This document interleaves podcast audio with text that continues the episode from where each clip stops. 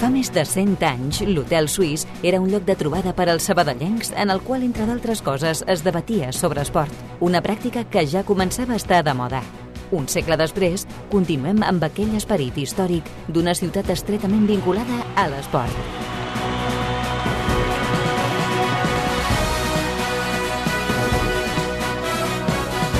Hotel Suís, amb Adriana Royo.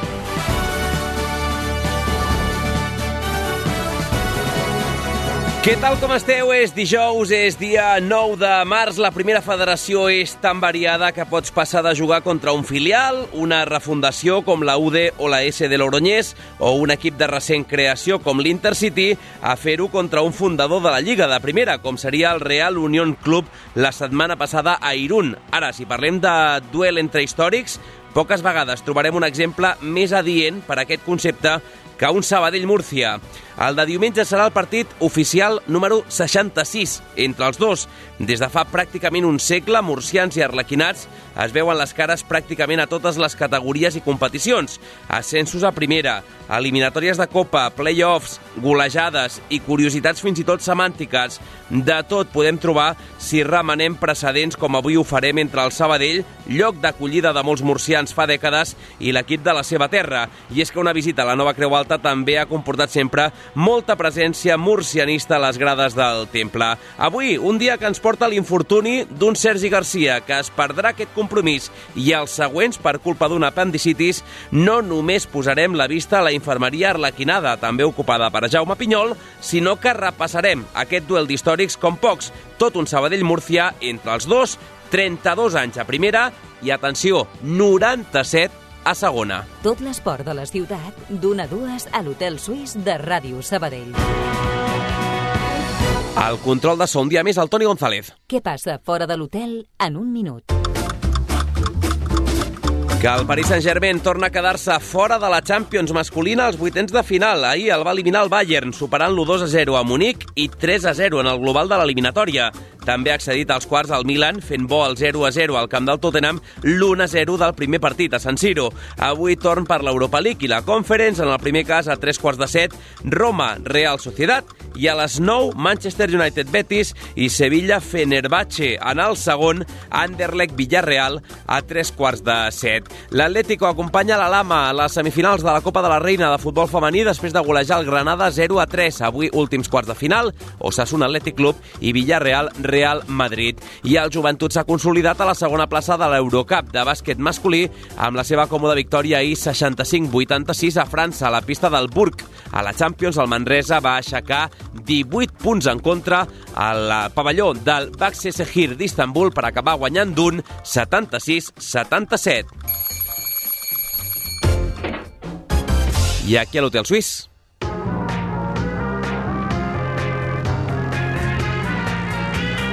Comenta la recepció? Tindrem una ració ben generosa de curiositats històriques en tot un Sabadell-Múrcia, també a Cristian Herrera parlant ja del rival de diumenge. Passarem per allà per terres murcianes, també una mica de Lliga Nacional Juvenil, d'Oar Gràcia, de futbol sala o de tennis taula. L'actualitat de la primera ref. 225 nastiquers ja han comprat la seva entrada pel Barça Atlètic Nàstic de Tarragona de dissabte a l'estadi Johan Cruyff. També s'espera una gran entrada a Castàlia, en el duel del País Valencià Castellón Alcoyano, coincidint amb les festes de la Magdalena i el Depor Castilla, segon contra tercer de l'altre grup. Veurem si Riazor s'apropa a l'entrada de l'Enrique Roca d'aquesta última setmana, després que l'afició del Real Murcià li traiés el rècord d'assistència a la categoria. Per cert, parlant del Real Murcia, ahir va celebrar la seva Junta General Extraordinària d'Accionistes. La notícia curiosa. Comparacions odioses entre el Barça de Xavi i el de Valverde. L'equip eh, reneix a partir d'una defensa forta i són diversos els paral·lelismes de l'època actual amb la del tècnic de l'Atlètic Club Ara, diu Albert Nadal al diari Ara. De quin partit no estarem pendents? Del Axo contra el Cairat Almaty. Des de la 1, 8 minuts i mig de joc, si han estat puntuals, a la jornada 2 de la Lliga del Kazakhstan. I a les xarxes socials. Que maco que és guanyar, diu Cristian Tello a Instagram, 5 partits jugats amb l'Alfatè Saudita, 3 gols de moment pel de Cifuentes, l'últim duel guanyant 1-2 l'Algilal, el rival del Madrid fa poc al Mundial de Clubs. Demà mateix torna a tenir partit, a les dues jugant contra l'Abba Club.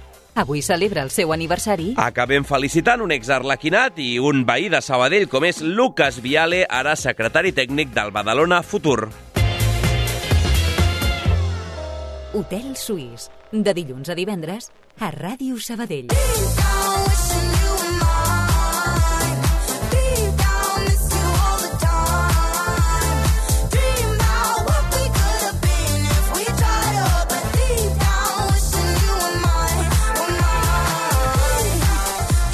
9 minuts, 20 segons per sobre de la 1 en directe a l'Hotel Suís d'aquest dia 9 de març. Sergi Garcés, hola de nou, com estàs? Bona tarda. Avui hem de començar l'infermeria, eh? Avui males notícies. De fet, ahir a la tarda ja confirmàvem, ja explicàvem aquí a Ràdio Sabadell un contratemps amb un nom propi, el de Jaume Pinyol, i, i un problema a l'espatlla.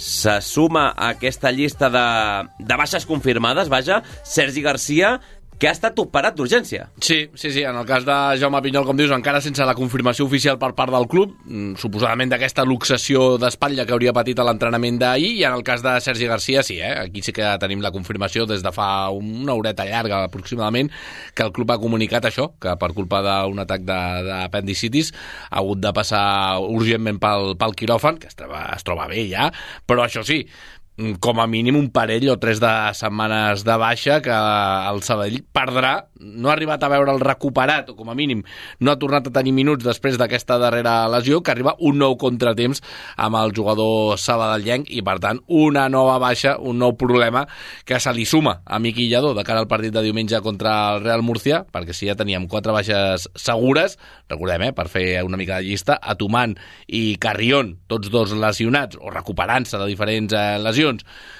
més Estals i Moja, que van veure la cinquena targeta groga el passat diumenge a l'Estadi Gal, doncs això, quatre baixes que ja tenia l'equip confirmats, dues més, sis contratemps amb els quals no hi podrà comptar Miqui Lladó de cara al partit. Estava pensant ara que Sergio Aguza, que amb molta franquesa, sorprenent Massa eh, franquesa, franquesa eh, admetia que havia forçat la targeta per no venir a Sabadell perquè encara arrossegava molèsties. Clar, és l'ex-arlequinat que tenim a Múrcia, en clau murcianista, l'ex-grana que tenim aquí, Ismael Atuman, també es perd el partit, per tant, estem parlant d'una baixa d'ex a cada banda, però, però clar, és que al final, en el cas de Sergi Garcia, per exemple, estem parlant que no juga un partit des de fa un meset i mig tranquil·lament, des de la primera jornada de la segona volta, el partit contra l'Alcoyano, amb aquesta lesió al semimembranós, una lesió muscular, un cop recuperat va entrar a la convocatòria als últims partits, però encara allò acabant de fer net d'aquesta lesió, ara, a poc que sigui, ni que sigui per, per precaució després d'un de, problema a l'apèndix com aquest, si estarà com a poc, poc,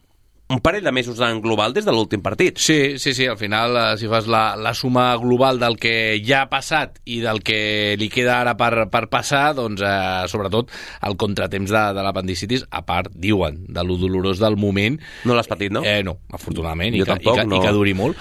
Uh, no puc parlar-ne. Que duri sempre, de fet, no, no molt, no, que duri sempre, no vull tenir cap ensurt de, dels 50 cap amunt tampoc. Uh, és el problema de que ara s'estarà doncs, una setmana pràcticament aturat, completament aturat,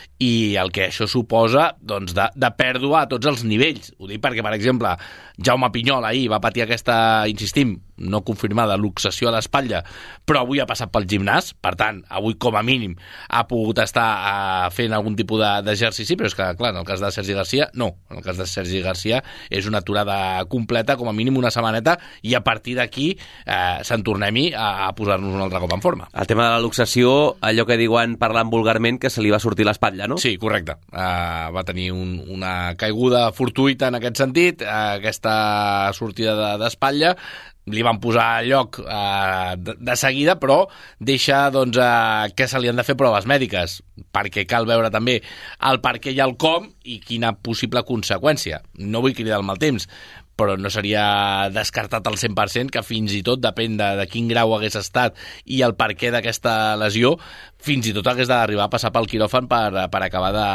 de soldar bé la, la, la plaça. Però bé, mm, insistim, no hi ha encara confirmació oficial per part del club d'aquesta lesió, per tant, tampoc eh, serà qüestió de cridar al mal temps, més enllà del que sí que sabem, que és això, que Jaume Pinyol espera el partit de, del diumenge contra el Real Murcia. Doncs déu nhi el panorama, sis baixes confirmades, les dues que sabíem des de diumenge, Moja Keita i David Astals per sanció, les dues que ja s'arrosseguen des de fa setmanes, Atuman amb el problema del turmell i Carrion, Juanmi, amb el tall eh, profund de, de 7 punts de sutura just a sota del genoll, que ja comentàvem a principis de la setmana en quin punt es trobava, i ara també aquests dos contratemps nous per Miqui Lledó amb Jaume Pinyol i amb Sergi Garcia. M'estiraran de les orelles si no et faig la pregunta de cada dia, i suposo que la resposta de sempre, novetats amb Miqui Lledó? Mm, que sapiguem no que sapiguem no. No, no sé si ha arribat alguna cosa d'última hora, però teòricament no, no ha d'haver-hi, de moment, cap problema perquè segui diumenge a,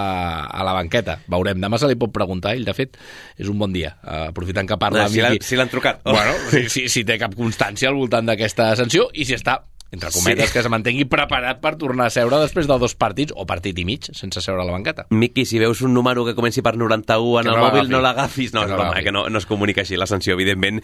Uh, el tòpic diu que ara és moment de tirar de fons d'armari, de, de comprovar com és de profunda aquesta plantilla. Sí, i en aquest sentit, eh, doncs, a banda d'aquestes sis baixes, eh, el moment de saber si això havia trastocat molt els plans i també si havia minvat la moral de, de la tropa, que es diu en aquests casos, si havia tocat molt la moral de, del vestidor. Tot el contrari, tirant de clàssic o no, tirant de tòpic o no, Cristian Herrera, eh, un dels noms propis d'aquestes últimes setmanes, d'aquests últims dies, parlant precisament d'això que dius, d'aquest fons d'armari i d'aquesta confiança cega, sobretot, en el paper dels jugadors que sí que estan a disposició de Miqui Lledó per tirar endavant el partit del cap de setmana. Són coses no, de, del futbol que passen al llarg de la temporada, ja sigui eh, sancions, lesions... Bueno, crec que tenim una plantilla llarga, que hi ha gent eh, amb moltes ganes de portar, amb, amb molta gana, no? I, i els esperem, no? Esperem que, que ens donin també aquesta, doncs, eh, aquestes ganes que tenen de, de portar l'equip perquè ens fa falta.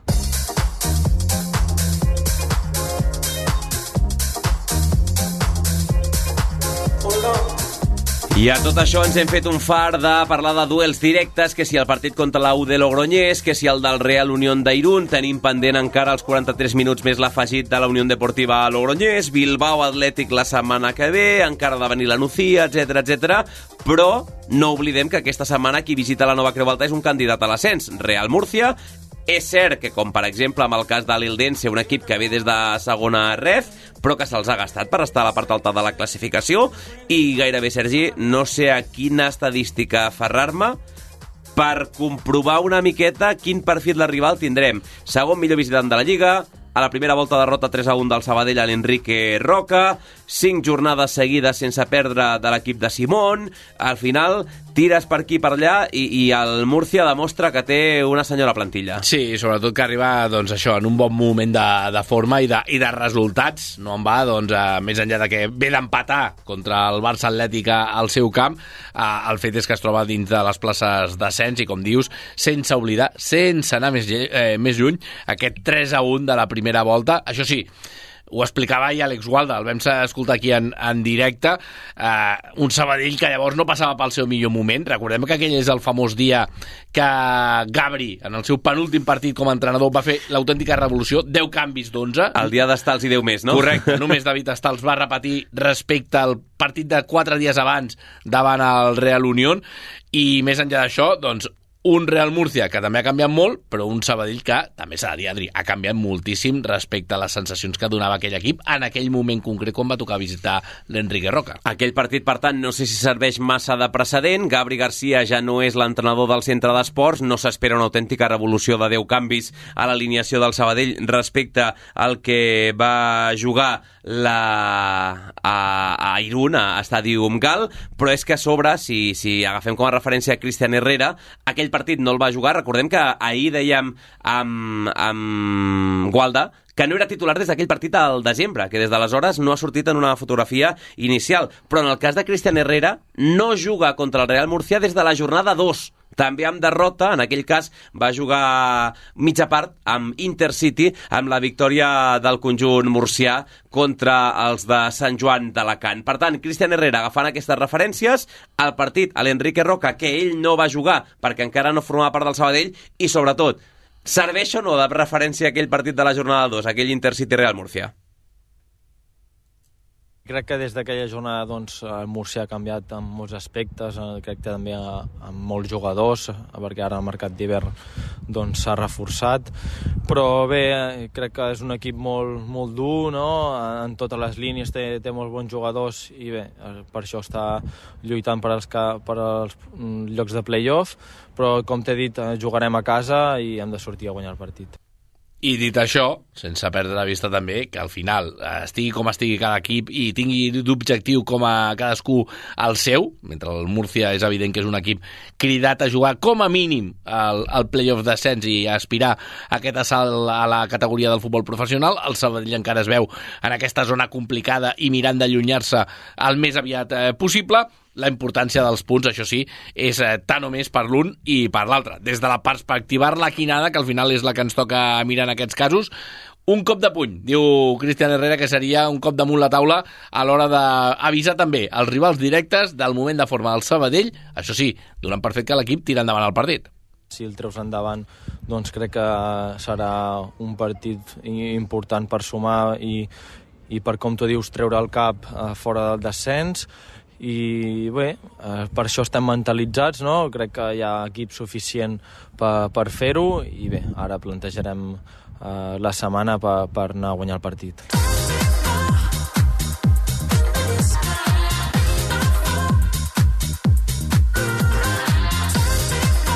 ...20 minuts per sobre de la una, Cristian Herrera parlant del Real Murcia. Vols que et faci el càlcul ràpid que ha fet Sergi Parc a la redacció i que no he volgut escoltar o no? Sí, home. Deia, si arribem a guanyar la U de l'Obronyès, si s'hagués jugat i hagués acabat 1 a 0, molt optimista, eh, per part seva, estaríem a 8 punts ara mateix del playoff. No està malament i li podria retallar punts al Real Murcia també. rival directe, no? Ahir hi havia un conegut que em deia, perquè li feia els meus números també de, de por, eh? els meus números aquests de, de, de, De- negativisme. de dodotis, de sí, de dodotis, de negativisme, part baixa, i em deia, sí, sí. t'ho pinto al revés. Tim Garcés. Em deia que no guanya el Sabadell diumenge. Diu, perquè si no, començarà la maquinària dels playoffs. Ves que Sergi Parc no ha esperat ni a diumenge, ja ha arrencat abans la, la maquinària. Sí, sí, a mi em feien també aquesta reflexió, no? Si fem el 7 de 9 amb Budel Oroñés, Bilbao i Real Murcia, qui sap, anem a començar per sumar la feina per la part baixa i després si arribem, doncs mira, benvingut serà. Hem de parlar del que ens queda de setmana, hem de parlar de l'àrbitre, que avui hem tingut designació d'Ena Wolf, l'aragonès, serà el, el col·legiat. De seguida hi anem i també repassem una miqueta doncs, el, el tema de, dels precedents, dels seus números, de les seves estadístiques, però Sergi, és que parlar d'un Sabadell-Múrcia mm, poques vegades el, el terme duel d'històrics pot ser més fidel que no pas aquest partit, eh? Sí, gairebé comparable potser amb els Castellón-Sabadell, no? O amb el Sabadell-Castellón. No tenies la dada, no? No l'has no l'has controlat, no? no, no, no, no, no, però ja sí que recordo la del Castellón, i si no és el que més, és un dels que més, doncs el Murcià, per, ni que sigui per la proximitat geogràfica, que se mantengui més pel paper històric de tots dos, d'haver-se trobat a les diferents categories, al igual que passa amb el conjunt orellut, doncs li deu una, si fa o no fa, aquí una mica a la, a la cerca. És veritat que si el Múrcia agafes els seus precedents, hi han més equips que n'han tingut més que no pas el Sabadell. Però si mires només els del Sabadell, de dir, el Sabadell,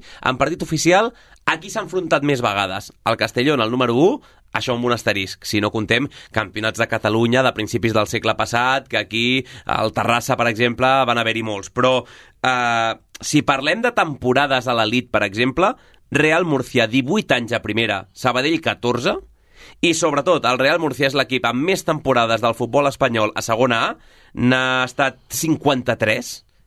Després vindrien Sporting, Tenerife i darrere ja el Sabadell com a quart equip amb més anys a segona divisió amb 44. Per tant, han coincidit moltes vegades. Estem parlant de dos històrics que és veritat que recentment tampoc hem anat massa, eh, excessivament allà, a Terres Murcianes, Sí. com a mínim per jugar contra el Murcia. És el que diem, al final la, la distància no és exagerada, però sí que no sempre els equips murcians, per exemple, parlo de la, de la desapareguda segona B, no sempre queien en el grup català, o al revés, no, els catalans no queien en el grup dels murcians, però home, déu nhi per no ser Castelló, insisteixo, per tenir 300 quilòmetres més de distància, eh, déu nhi les vegades que, com diem, a més han coincidit en, en moments històrics molt concrets, en els quals gairebé vides paral·leles, eh, eh, en els quals els dos han viscut moments de glòries als anys 80, 90, ja no tant al Sabadell, però sí al Real Murcia, i els dos també, entre moltes cometes i molts matisos, Adri, han caigut en aquest pou de la tercera categoria gairebé en moments eh, semblants que fa que,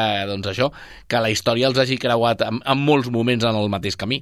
Doncs avui, no patiu que demà tindrem la dosi particular d'estadístiques, no tan centrada en els precedents, però hem volgut remenar una mica la història, la meroteca, i saber què ens han deixat els 65 duels entre el Sabadell i el Múrcia que s'han disputat fins ara. És un reportatge amb el muntatge tècnic del Toni González i les veus de la Núria Garcia i del Pau Duran. El Real Murcia és el segon equip al que s'ha enfrontat més vegades en partit oficial al centre d'esports al llarg de la seva història. Només el Castellón supera en precedents a l'equip Pimentonero. Tan sols el Terrassa podria superar Murcians i Orelluts si comptem els partits de campionats catalans abans de l'inici de les lligues espanyoles. Podeu remenar i triar precedents gairebé en totes les competicions entre Sabadell i Múrcia. A primera, segona, segona B, ara primera federació, a la Copa, Copa Federació, playoff, fins i tot la final de campions del 2011 2011. En total, 65 partits entre tots dos abans del de diumenge. Això sí, els Grana no visiten la nova Creu Alta des de fa gairebé una dècada, novembre del 2013. Victòria arlequinada 2 a 1 amb gols de Chiari en pròpia i Gato. Per fer-nos en una idea, Tamudo era titular aquell dia al centre d'esports. Els tres últims precedents han estat a la nova condomina, incloent-hi un de Copa.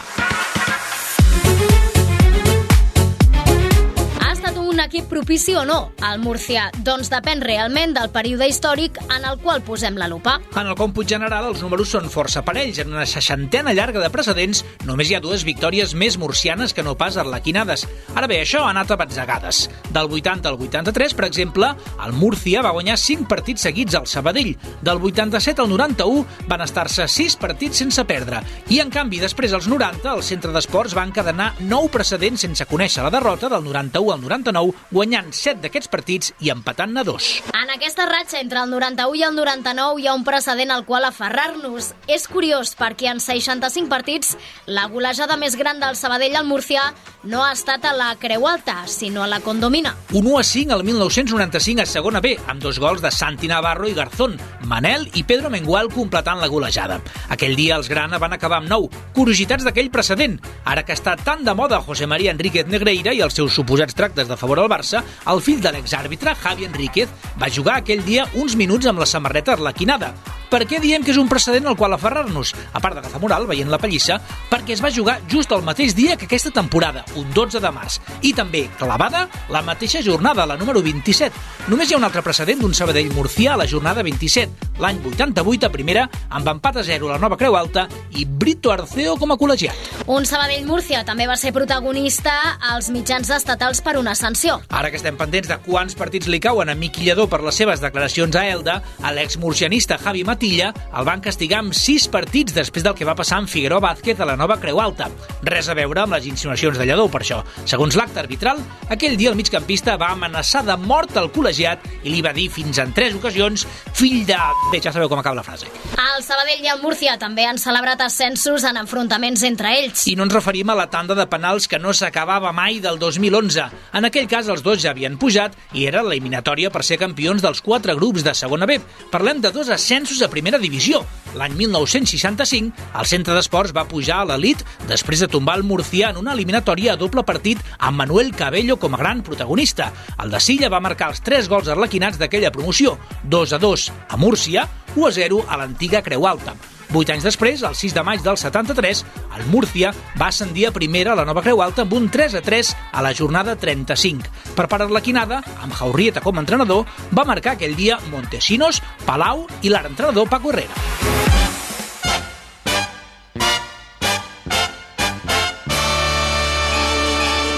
acabem amb una de semàntics. Com us quedeu si diem que Sabadell li va marcar el Sabadell en el primer precedent entre Múrcia i Sabadell de la història. A, a veure si ho sabem explicar bé. Primer precedent de la història. Desembre del 33. En plena Segona República, el Sabadell dels Gràcia, Morral, Rubies, Gualo Calvet per 3 a 0 a terres murcianes. El tercer gol el fa l'exarlequinat José Garreta, que havia estat al Sabadell 3 anys abans i que va passar a la història com l'única persona amb cognom Sabadell que ha jugat al Sabadell, perquè el seu nom complet era José Garreta Sabadell. Per tant, l'exarlequinat Garreta Sabadell, biguetà, va marcar el Sabadell en el primer partit del Sabadell contra el Múrcia. Era el primer gol de la seva carrera a segona divisió, però en tenim més d'aquest tipus. I és que ha marcat un Sabadell en un Sabadell-Múrcia, però també ho ha fet un Múrcia. Concretament, José García Murcia, que és un dels tres jugadors amb aquest cognom que han jugat a l'equip amb idèctic nom. García Murcia va marcar pel Murcia a la Nova Creu Alta al desembre del 77 en un 1 a 1 a segona A, igualant el gol inicial de Fernando Muñoz. La curiositat en aquest cas és que García Murcia marcava pel Múrcia, però no era de Múrcia, sinó que era natural de Cartagena, l'històric rival dels grana futbolístic i com a ciutats. No ens podem estar, dins d'aquest joc semàntic i de ciutats enfrontades, de recordar que un Terrassa també ha jugat al Sabadell contra el Múrcia. Entre el 52 i el 55, el porter Antonio Terrassa va jugar 8 partits amb el centre d'esports, un dels quals un 3 a 0 la castanyada del 54 a Múrcia. Això sí, va suplir Santos, el porter titular, en el minut 81 i ja amb 3 a 0 al marcador. Per tant, Terrassa no va encaixar cap gol pel Sabadell aquell dia. Quin embolic!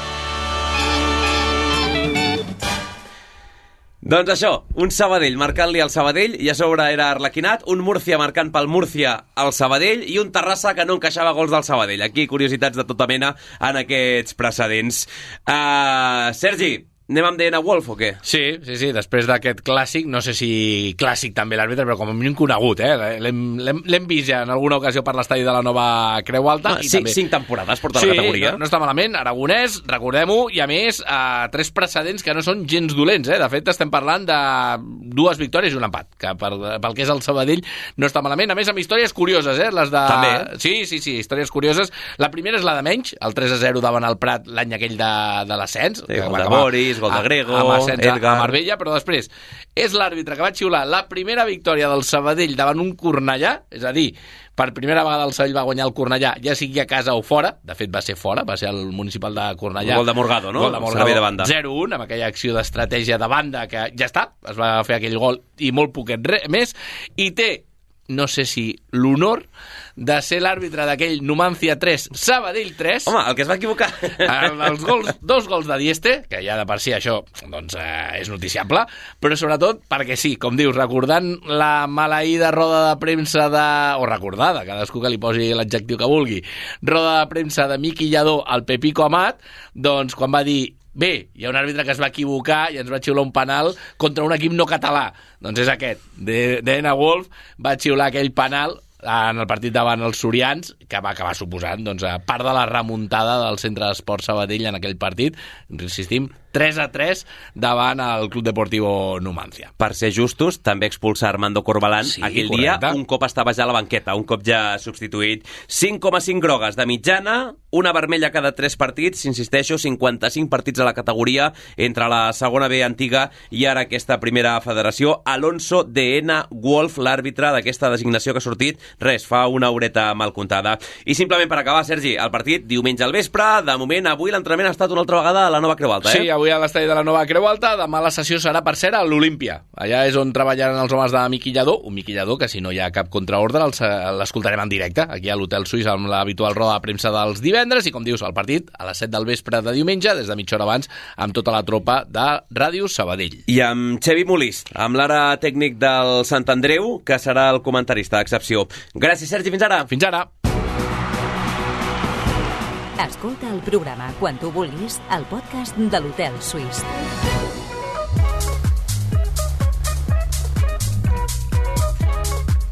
Dos minuts per sobre de dos quarts de dues. Ampliem la informació passant també per eh, Múrcia. Compañero de Onda Cero Murcia, Victorio de Aro, ¿qué tal? ¿Cómo va todo por allí? Hola Adrián, ¿qué tal compañeros oyentes? Muy buenas. Bueno, aquí en Murcia, ahora te entraré más en materia, centrados exclusivamente en lo deportivo. Ayer se proclamó la entrada de Felipe Moreno, que conocido es en el mundo del fútbol por ser el ex propietario del Leganés desde hace 11 meses, que lo vendió el pasado mes de junio, consiguiendo una cantidad cercana a los 40 millones de euros Así que desde entonces el Murcia parece va a decir adiós a los problemas económicos, a los problemas judiciales y en definitiva a los problemas institucionales para centrarnos única y exclusivamente en lo que ocurra en el terreno de juego. Además, llega tras el subidón del, del récord de público del otro día en el Enrique Roca, con una gran fiesta. Es verdad que con ese punto de decepción del 1 a 1 del Barça Atlético al final, pero no sé cómo ves al equipo tú. Sí, es que es lo que comentas. Fíjate cómo se enganchó la gente, se enganchó la ciudad, que cuando el presidente llega a un acuerdo con el, con el ya máximo accionista del conjunto pimentonero, la gente acude más al estadio, 27.800 personas récord histórico en la primera federación. Eso dice mucho de, cómo está la ciudad con el ambiente para con el Real Murcia. En lo deportivo, pues sí, pues mira, estoy de acuerdo contigo y estamos de acuerdo todo el mundo en que la segunda parte del conjunto pimentonero fue mediocre y por eso el, el que es un equipo también muy competitivo, te empata, te empata como, como visitante. Bueno, es que el Real Murcia también es capaz de lo, es capaz de lo mejor y de lo peor, ¿eh, Adrián? No te engaño. ¿Por qué? Bueno, pues porque el equipo tiene partes, tiene tramos. Es cierto que le gusta tener el balón, es cierto que le gusta jugar, es cierto que gana más que pierde y sobre todo que no encaja mucho, pero que a veces se desconecta, a veces se convierte en un equipo, mm, dicho vulgarmente, y disculpen la expresión, ramplón, un equipo horizontal, un equipo que le cuesta generar peligro.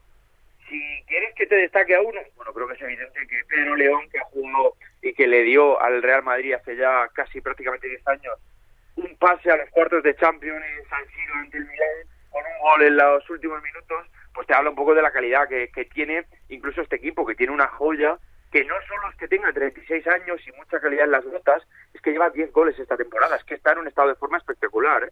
Sí, sí, es eh, un jugador referencial absolutamente en la categoría y además de la casa, o sea que, imagínate lo que supone para, para todo el, murcianismo. Nos decía ayer Aguza también que, que en cierta manera ese estilo que, que, comentabas tú ahora, que no tiene mucha distinción entre en casa y fuera. Le destacábamos el dato de que es el segundo mejor visitante de, la categoría y nos decía eso, ¿no? Que, al final eh, el estilo, la idea de juego de Más o menos es la misma en Enrique Roca o fuera de casa. Y el ejemplo lo tienes en el partido del pasado domingo, que seguro habrás podido ver algo. Están los resúmenes ahora que nos facilitan la, página web de la, de la federación. Es un equipo muy horizontal, es un equipo que le gusta tener tres centrocampistas, o bien con Pablo Ganet, internacional con Guinea Ecuatorial, que el año pasado hizo una grandísima Copa África, insisto, con Guinea Ecuatorial. Pero es que si no, pues juega, por ejemplo, con, con Arnau Ortiz, jugadores de, jugadores de de. Le gusta tener tres en el centro del campo precisamente Aguza no está teniendo muchos minutos, también con problemas de lesiones, en este caso este fin de semana sancionado, no está teniendo, insisto, muchos minutos Sergio Aguza, pero es que te habla del nivel, para que Sergio Aguza no juegue, que es un tío eh, consagrado ya y prácticamente establecido desde hace varios años en la segunda división, ¿cómo está el nivel de, esta, de este Real Murcia Primera Federación? Tiene un auténtico equipazo. Te digo que si no consiguiera el ascenso sería no una decepción, no una decepción porque es un equipo recién ascendido, pero es un equipo que hace las cosas bien, que trabaja, que ha mantenido una base respecto a la anterior campaña. Y si llegan refuerzos, pues hazte una idea. Pero no, el propio Sergio Aguza, y son jugadores que no todos tienen minutos o muchos minutos en el once titular, te habla un poco de cómo está el equipo. No se diferencia mucho por lo que decías, de local a visitante, pero es un equipo que le gusta tener el control y el dominio y a veces pasa factura, Adrián. La última, Victorio, ¿te animas a hacer un posible 11 aquí en la Nova Creu Alta teniendo en cuenta todo esto o no? Pues hombre, me pillas un poquito porque es probable que haya, que haya movimientos, pero si quieres, pues sí que me avanzo con Joao Costa en portería, de derecha a izquierda lo normal es que jueguen cuatro, aunque hay una variante en la última jornada, pues sí que sería Javi Rueda, el lateral seguido por el Real Madrid, en, el, en la parte diestra, con Alberto González y Íñigo Piña en, las, en la pareja de centrales y yo creo que en la izquierda volvería a jugar eh, Arnau Solá, el, el, futbolista ex Barça B cedido al Real Murcia. Luego en el centro del campo, es verdad que es intocable para Mario Simón, el doble pivote de Ale Galindo y de Julio Gracia, un Julio Gracia que es un futbolista que debutó en el Betis en primera división con 19 años, o sea que también es un futbolista con mucha calidad. Y luego en la media punta yo creo que puede jugar Arnau Ortiz en una banda, en la banda derecha, Pedro León, que es, insisto, el, la máxima referencia ofensiva del Real Murcia y donde todo pasa por sus botas, lo veréis el, el próximo domingo. En la izquierda hay un poco de movimiento, es un perfil eh, que, que, a, que a Mario Simón le gusta mover esas piezas que tiene, aunque podría podría seguir, por ejemplo, como hizo el pasado domingo Loren Burón, que es un jugador que el año pasado fue eh, el descubrimiento en la segunda federación, un jugador cordobés, un jugador que tiene mucho regate, mucho desborde y que no y, que no se no se intimida, que, que, encara y que tiene mucho peligro en las botas, lo vais a ver. Y arriba lo normal es que juega Alberto Torrell, que es un futbolista que llegó de Polonia, que ya estuvo en el Real Murcia hace dos temporadas y que es un futbolista grande, que baja la pelota y que además es completo y que tiene buen remate. Así que yo me aventuro a ese 11, aunque nos ha demostrado Mario Simón que siempre puede haber algún cambio hasta última hora. O sea que va a estar complicado. Lo dejamos apuntado de momento y la verdad es que como alineación eh, sale un buen equipo, es ¿eh? el equipo de, de, luchar por todo esta temporada. Victorio de Aro, compañero de Onda Cero Murcia, un placer, cuídate mucho, un abrazo. El placer es mío, amigos, hasta luego. Tot l'esport de la ciutat, d'una a dues a l'Hotel Suís de Ràdio Sabadell.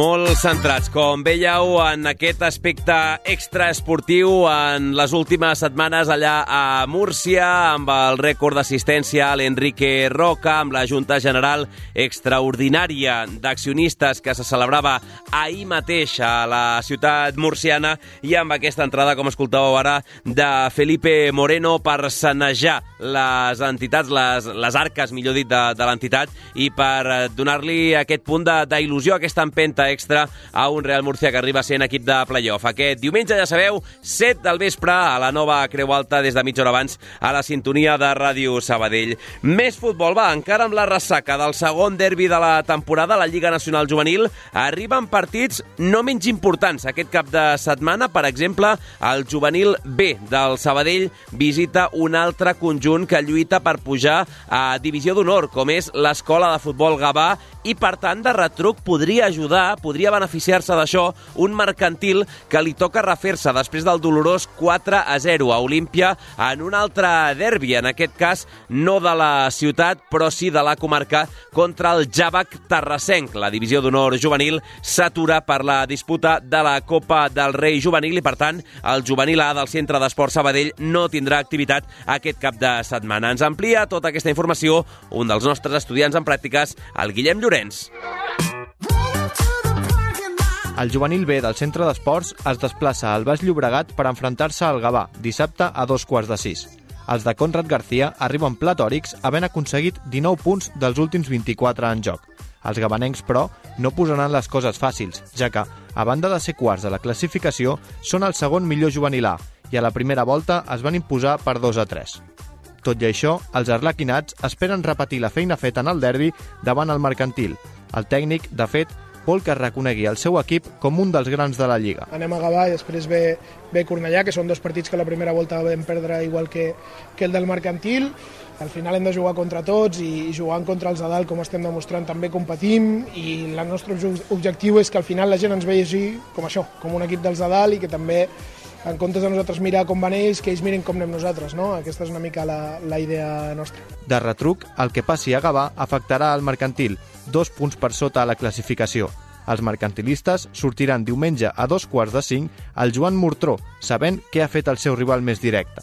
Els de Marc Xalabarder reben un Jàvec que es troba en plena lluita per eludir el descens a preferent, en parla el tècnic blaugrana. S'estan jugant la salvació perquè baixaran 3 de divisió d'honor catalans, per tant baixaran 5 no, de, de nacional a preferent i són l'equip que marca no, el, el descens, per tant entenc que no, que no ens regalaran res, que sortirà per totes i nosaltres, com comento, hem de ser capaços de, una, recuperar gent a nivell físic, que ara doncs, aquesta gent que està sancionada no tampoc ho estarà, i, i ser capaços d'aixecar-los eh, a nivell mental per, per tornar a preparar el partit i ser capaços de, de sumar els 3 punts, que sempre és l'objectiu, sigui quin sigui el rival i sigui quina sigui la jornada. Recordem que només els dos primers juvenils A pugen a divisió divisió d'honor i el Nàstic Manresa s'ha distanciat de la resta, liderant el grup 7 amb un coixí de 5 punts respecte del Gavà i 7 sobre el Mercantil.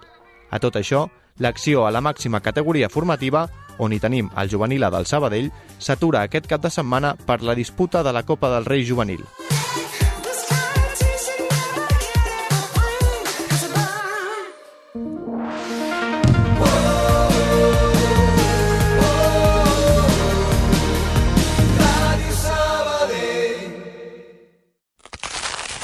Ets un panarra. T'agrada el pa de debò, cruixent amb molla esponjosa i l'aroma de l'autèntic pa. A Valero també som uns apassionats del pa. Del pa de veritat, del de sempre, del que vam aprendre a fer fa més de 60 anys. Per això, elaborem les nostres especialitats com abans, respectant la tradició, perquè puguis tornar a gaudir del plaer de menjar pa. Perquè a Valero som forners. Som del Sabadell. Què dius? Que t'agrada el cinema i les bandes sonores i encara no ens coneixes? Però com pot ser? Si ets un apassionat pel món del setè art i t'agrada estar al dia i a més vols gaudir de les millors bandes sonores, aquest és el teu programa. La llanterna màgica, amb Jordi Terradast. Tots els dijous de 9 a 10 de la nit i en remissió dissabtes a les 5 de la tarda a Ràdio Sabadell 94.6. La llanterna màgica. Disponible a Spotify, Apple Podcast i iVox. Ser a prop vol dir veure les coses més bé. Apropa't al que t'interessa amb la xarxa Més. La teva plataforma audiovisual de qualitat, proximitat i gratuïta. Gaudeix dels continguts de més de 30 televisions locals i podcast quan, com i on tu vulguis. Entra a la xarxa més.cat i descarrega't l'app. D'una a dues, l'Hotel Suís, a Ràdio Sabadell.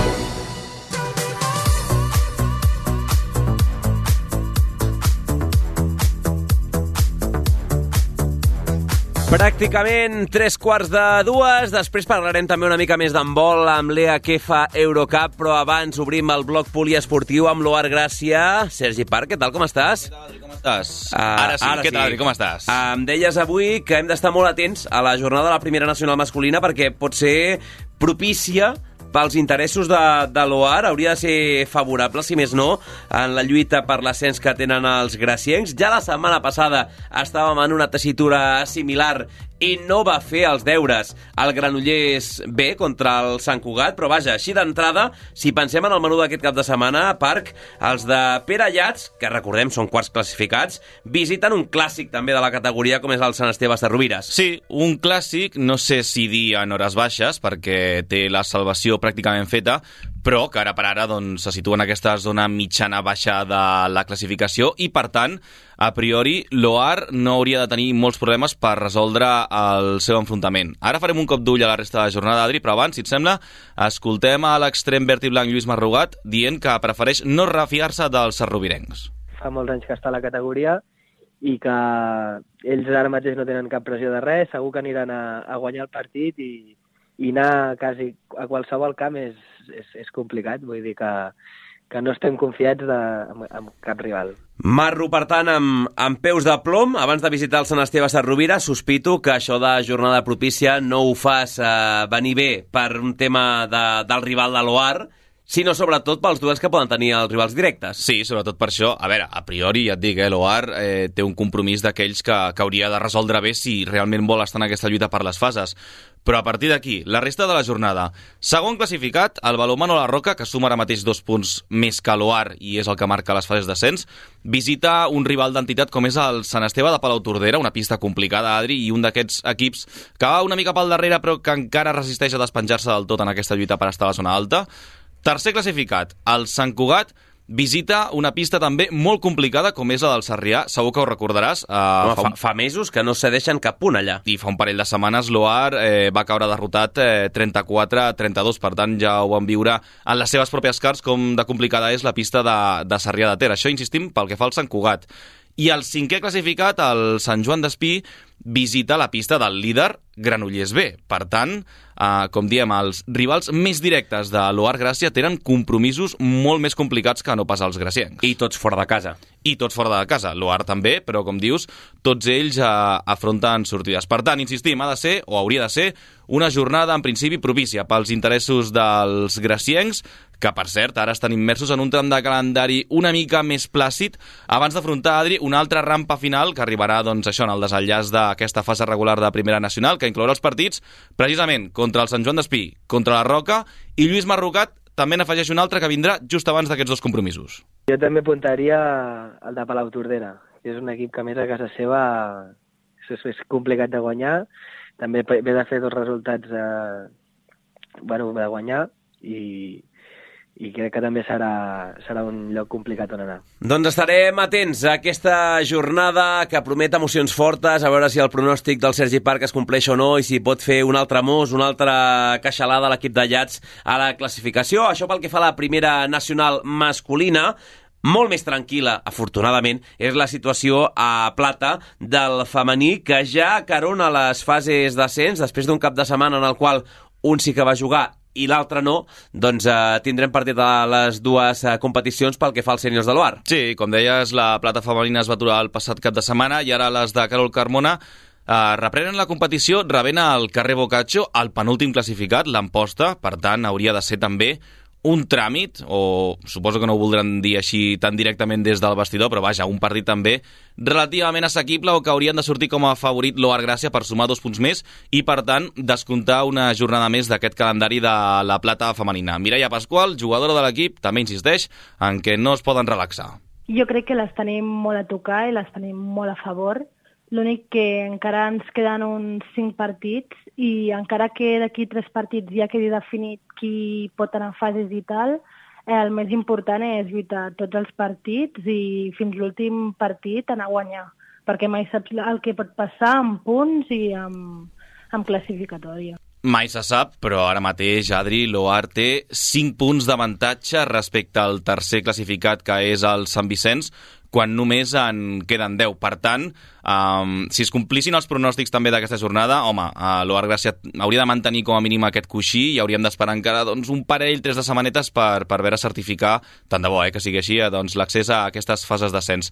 El vestidor, de fet, apunten també al lideratge, um, que també té una certa importància perquè recordem que Plata, abans de fer aquesta tradicional lligueta de les fases d'ascens, hi ha eliminatòries entre primers i segons de grup i se, se suposa que quedant primer doncs, eh, podries tenir un rival una mica més assequible i també la tornada a casa, i aquest factor el té present Pasqual. Normalment pues, és així, no? En plan, cada primer et fa que puguis jugar contra un equip d'un altre, altre grup pues, que no, no hagi sigut el primer però que al final són equips molt igualats i potser quedes primer i jugues contra un que mm, és més difícil que l'altre que ha quedat primer.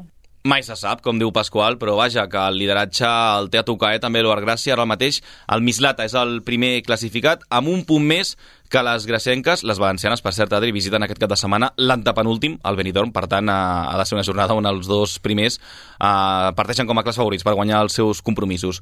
Horaris, primer al masculí, dissabte a dos quarts de vuit del vespre, aquesta visita que comentàvem abans a Sant Esteve Sarrovires, i diumenge a dos quarts d'una, horari una mica estrany, al carrer Bocaccio, aquest Oar Gràcia femení en posta. Doncs si voleu anar a veure el plata femení no serà dissabte, sinó l'endemà diumenge a quarts d'una del migdia. Sergi Parc, has fet amics, eh, avui? He fet amics? Home, a Sant Esteve Sarrovires i Amposta, tràmit, assequible, etc. I, I, de fet, si vols marxar fora de Catalunya, a Benidorm també has acabat de rodonir el tema amb aquest punt de... Home, no és menysprear, és agafar la classificació i mirar si és factible o no. Jo utilitzo els conceptes, utilitzo els conceptes que fa servir Pau Vituri en la majoria de partits de l'Astralpool en els partits de Lliga de Waterpolo. A sobre merda, aquí ha encès el ventilador i aquí agafarà tothom la seva proporció. Gràcies, Sergi Parc. Adéu, Adri. Fins ara. L'Hotel Suís obre les portes a l'esport de Sabadell.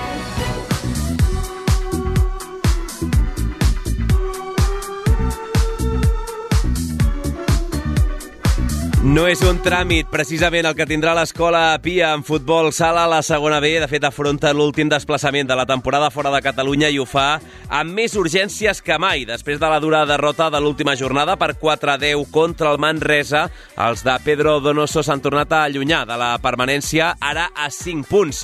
Dissabte toca visitar un Nueva Elda, que tampoc passa pel seu millor moment. Per fer-nos una idea, en tota la primera volta, els aldencs només havien perdut en tres ocasions i en el que duem de la segona han perdut els mateixos partits. Dani Loinaz, jugador de la Pia, afronta així aquest desplaçament. Bueno, otra final más. Fin al cabo nos quedan nueve finales, bueno, con la de hoy ya nada, ocho, y a seguir luchando, es lo que hay.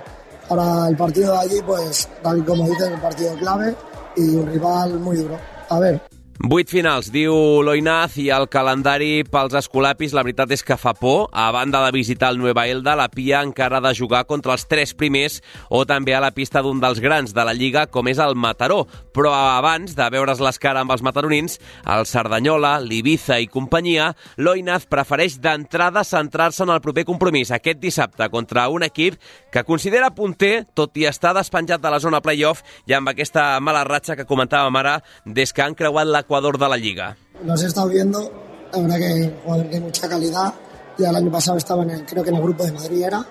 Y bueno, mucha calidad también quedaron arriba y tiene pinta que quedarán bueno, arriba. A ver si nos regalan los tres puntos.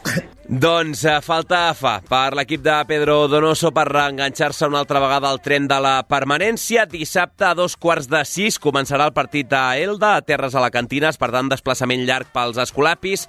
Recordem que l'altre equip sabadellenc de la segona B de futbol sala, el club, el Natació Sabadell, no juga aquest cap de setmana per la retirada d'un altre equip de la província d'Alacant, l'Ire Frank Elche, i per tant automàticament els d'Adri Sánchez sumen els 3 punts. Hotel Suís, d'una a dues, a Ràdio Sabadell. You shot me so damn well. You shot me, then you got me, I'm like damn, pum, pum. Entrat el mes de març, arriba l'hora de confirmar matemàticament les coses que estan en joc a les diferents categories. Per exemple, el Club Natació Sabadell de tenis taula ja s'ha classificat de forma matemàtica pels play-off d'ascens a la divisió d'honor després de guanyar l'última jornada el Girbau Vic per 2 a 4. Ara es veurà les cares amb el Boadilla a Can Llong aquest dissabte amb l'objectiu de continuar progressant, de seguir sumant punts i de certificar no només aquestes places de play-off, sinó també la primera posició del seu grup de la primera nacional masculina. Ens amplia aquesta informació un altre estudiant en pràctiques que tenim a la redacció, el Raül Medina. L'equip sardellenc es va assegurar el play-off després de vèncer en terres usonenques, al Vic, en un partit on van haver de remuntar dues vegades. De la mà de Sergi Bocanegra, jugador de categoria sub-21 i germà del tècnic Àlex Bocanegra, i una de les sensacions del tenis taula català, Luca Kidasheli, els nedadors es van col·locar al 2-4 final. Un dels protagonistes del partit que comentàvem, Sergi Bocanegra, declara quines són les aspiracions de l'equip. Realment, al moment en què el Luca guanya l'últim partit per fer el 4-2, jo personalment no vaig pensar gaire en els playoffs. Sobre el paper aquest era un enfrontament que havíem de treure i l'objectiu del primer equip no és només arribar al playoff, sinó que l'objectiu és arribar com a líders. Un cop assegurada la plaça al playoff, toca certificar la primera posició. Per això, hauran de guanyar davant el Boadilla, l'equip madrileny, un equip de mitja taula i al qual ja es va derrotar a la primera volta per 1 a 5. Boca Negra analitza el rival d'aquesta setmana. Penso que tots els partits es poden complicar d'alguna manera. Vull dir, tot i que a l'anada hem guanyat doncs, d'una manera relativament fàcil, no significa que ara a la tornada tornem a guanyar fàcil. Tot i això, aquest cap de setmana, en teoria, hauria de jugar l'equip titular i, per tant, l'enfrontament hauria de resultar favorable per nosaltres. Però tot i això sempre s'ha de tenir cura i cap partit es podria dir que és fàcil des del començament. El duel serà dissabte a dos quarts de cinc a Can Llong. Quan falten 5 jornades, són primers amb 30 punts, seguit del Centro Natación Helios amb 28 amb un partit més que el club, i de la Luche, una mica més allunyat, amb 24.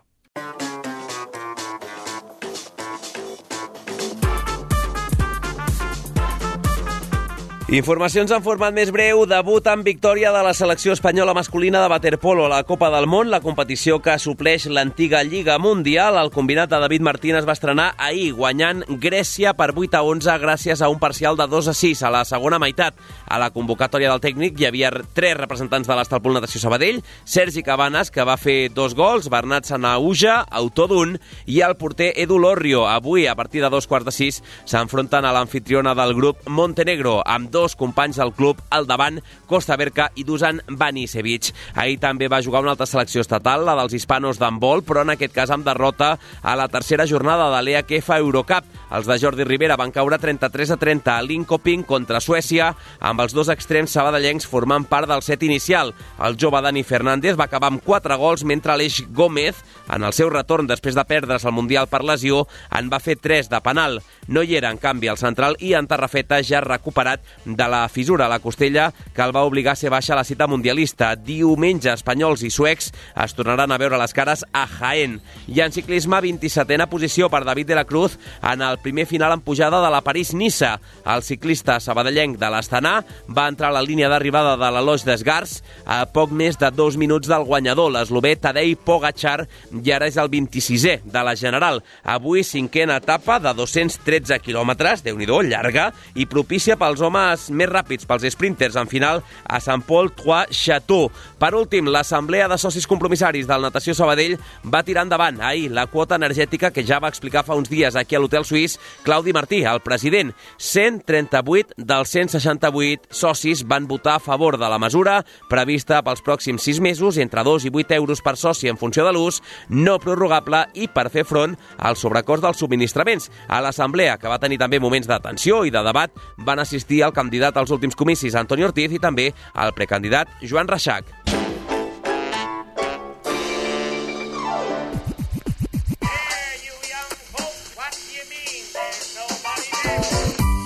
Demà amb el Pau Vituri al capdavant del programa tancarem la setmana a l'Hotel Suís amb la roda de premsa en directe de Miqui Lladó des de la Nova Creu Alta, també escoltant a Mario Simón, el seu homòleg a la banqueta murcianista, amb les estadístiques d'aquest nou Sabadell Real Murcia. Ens visitaran aquí a l'estudi dos ciclistes que competeixen el cap de setmana a les clàssiques de la Unió Ciclista Sabadell, dos de la ciutat com són l'Òscar Rota i el David Domínguez, i a més de tot això tindrem una mica de waterpolo o la prèvia del Sabadell B, entre d'altres qüestions.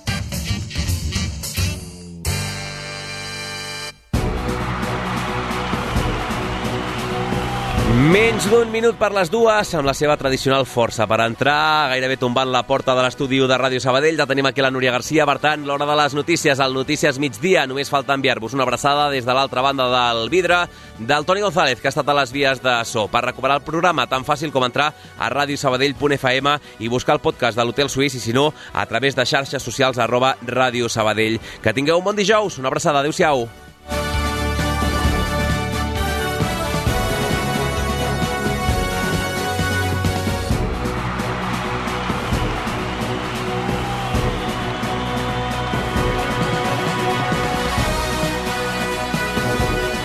Tot l'esport de la ciutat, d'una a dues a l'Hotel Suís de Ràdio Sabadell.